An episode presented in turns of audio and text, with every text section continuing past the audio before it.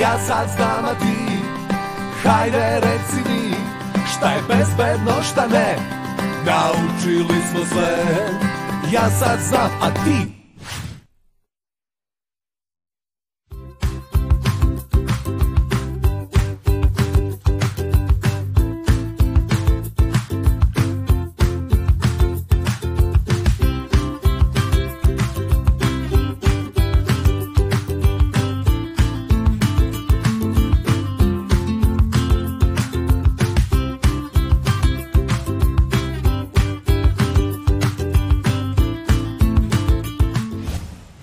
Danas je baš toplo.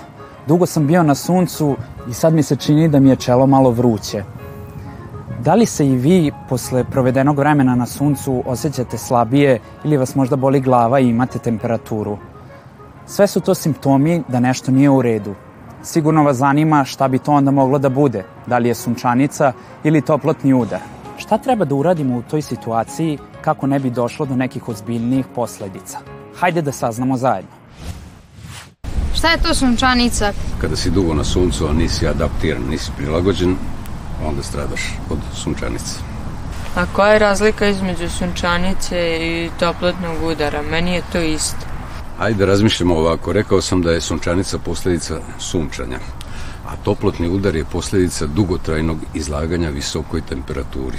I toplotni udar dešavaju u kotlarnicama, u kuhinjama, ili se dešavaju, doću vam primer, recimo ronioci, oni pravi ronioci sa ronilačkim modelima, prvo čamcem idu dugo vremena do mesta gde će roniti, a obukli su onu gumenu sportsku opremu, ronilačku, ta ronilačka oprema eh, jako privlači sunce, ako je crna, na primjer, i greje ih strahovito i iscrpljuje ih. Znači, toplotni udar je u stvari posledica dugotrajne temperature i iscrpljivanja organizma, gubitka tečnosti i Eh, jednostavno poremećaja centra za regulaciju temperature i toplote tela. A kako do toga dolazi? Od prvog sunčanog dana trebalo bi svako od nas da izađe svakog dana jedan sat dnevno na sunce i to ne po najvećem suncu, znači do 11 sati pre podne ili posle 4 sata popodne. Tako se organizam prilagođava. Ukoliko to pravilo ne poštujemo, nego krenemo recimo odjednom na strand ili odemo na letovanje i odmah krenemo na plažu i na sunce, e, vrlo brzo će doći do problema.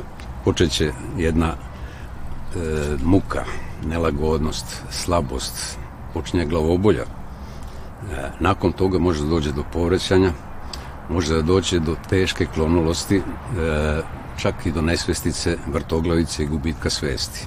Slična stvar se dešava i kada dugo boravimo u nekoj prostoriji u kojoj je toplo ili u onom odelu. Recimo i u vojnicima se to dešava kada su u uniformi i ne smeju da skinu šinjel, a rade po suncu.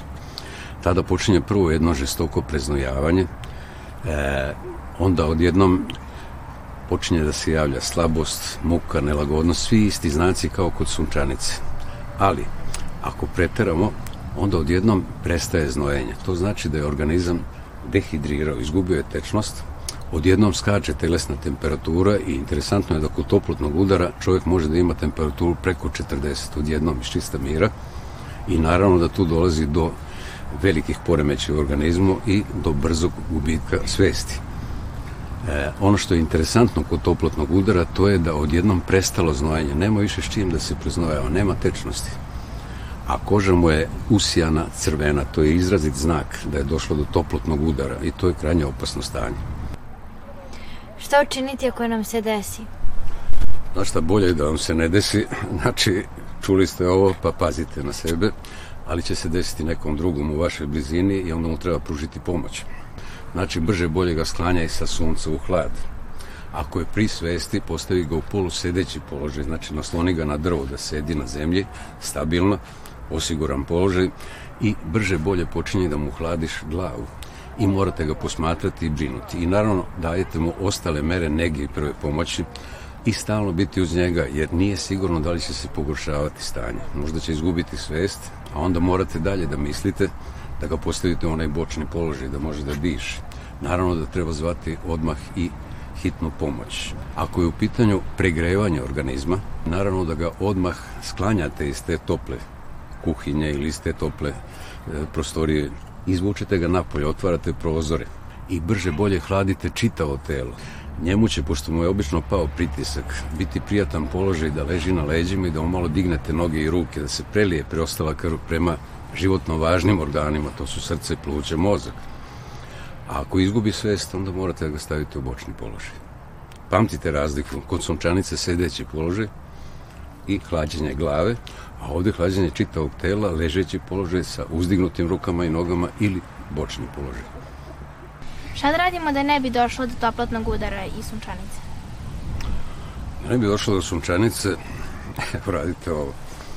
Probaj da je staviš i stavi i drugarici jedno. Kakva je takva ali štiti glavu od sunca. E, crne kapice uvek privlače u stvari sunce E, svetlite, kanine su lepše. Dobro vam stoji, nema problema, pogledajte, sasvim u redu. To je preventiva. Nakon dužeg izlaganja glave suncu može se javiti sunčanica. Toplotni udar je sličan sunčanici, nastaje usled pregrejane temperature, ali ne mora nastati kao posledica izlaganja suncu. Osobu treba odmah smestiti u hladovinu ili u rashlađenu zatamljenu prostoriju i raskomotiti je. Važno je postepeno rasklađivanje laganim polivanjem vodom i stavljanjem hladnih obloga sa ledom na potiljak i glavu sve dok se temperatura ne vrati u normalu. Telesnu temperaturu treba stalno kontrolisati. Čoveku pogođenom sunčanicom treba davati hladne napitke, ali nikako kafu i alkohol. U težim slučajevima gubitak svesti, pojave konfuzije i pospanosti potrebno je što pre pozvati lekara. Od ove priče o vrućini baš sam užedneo. Nadam se da ste naučili razliku između sunčanice i toplotnog udara. Najbitnija je preventiva. Čuvajte vaše zdravlje. Ja sad znam, a ti, hajde reci mi, šta je bezbedno, šta ne, naučili smo sve. Ja sad znam, a ti,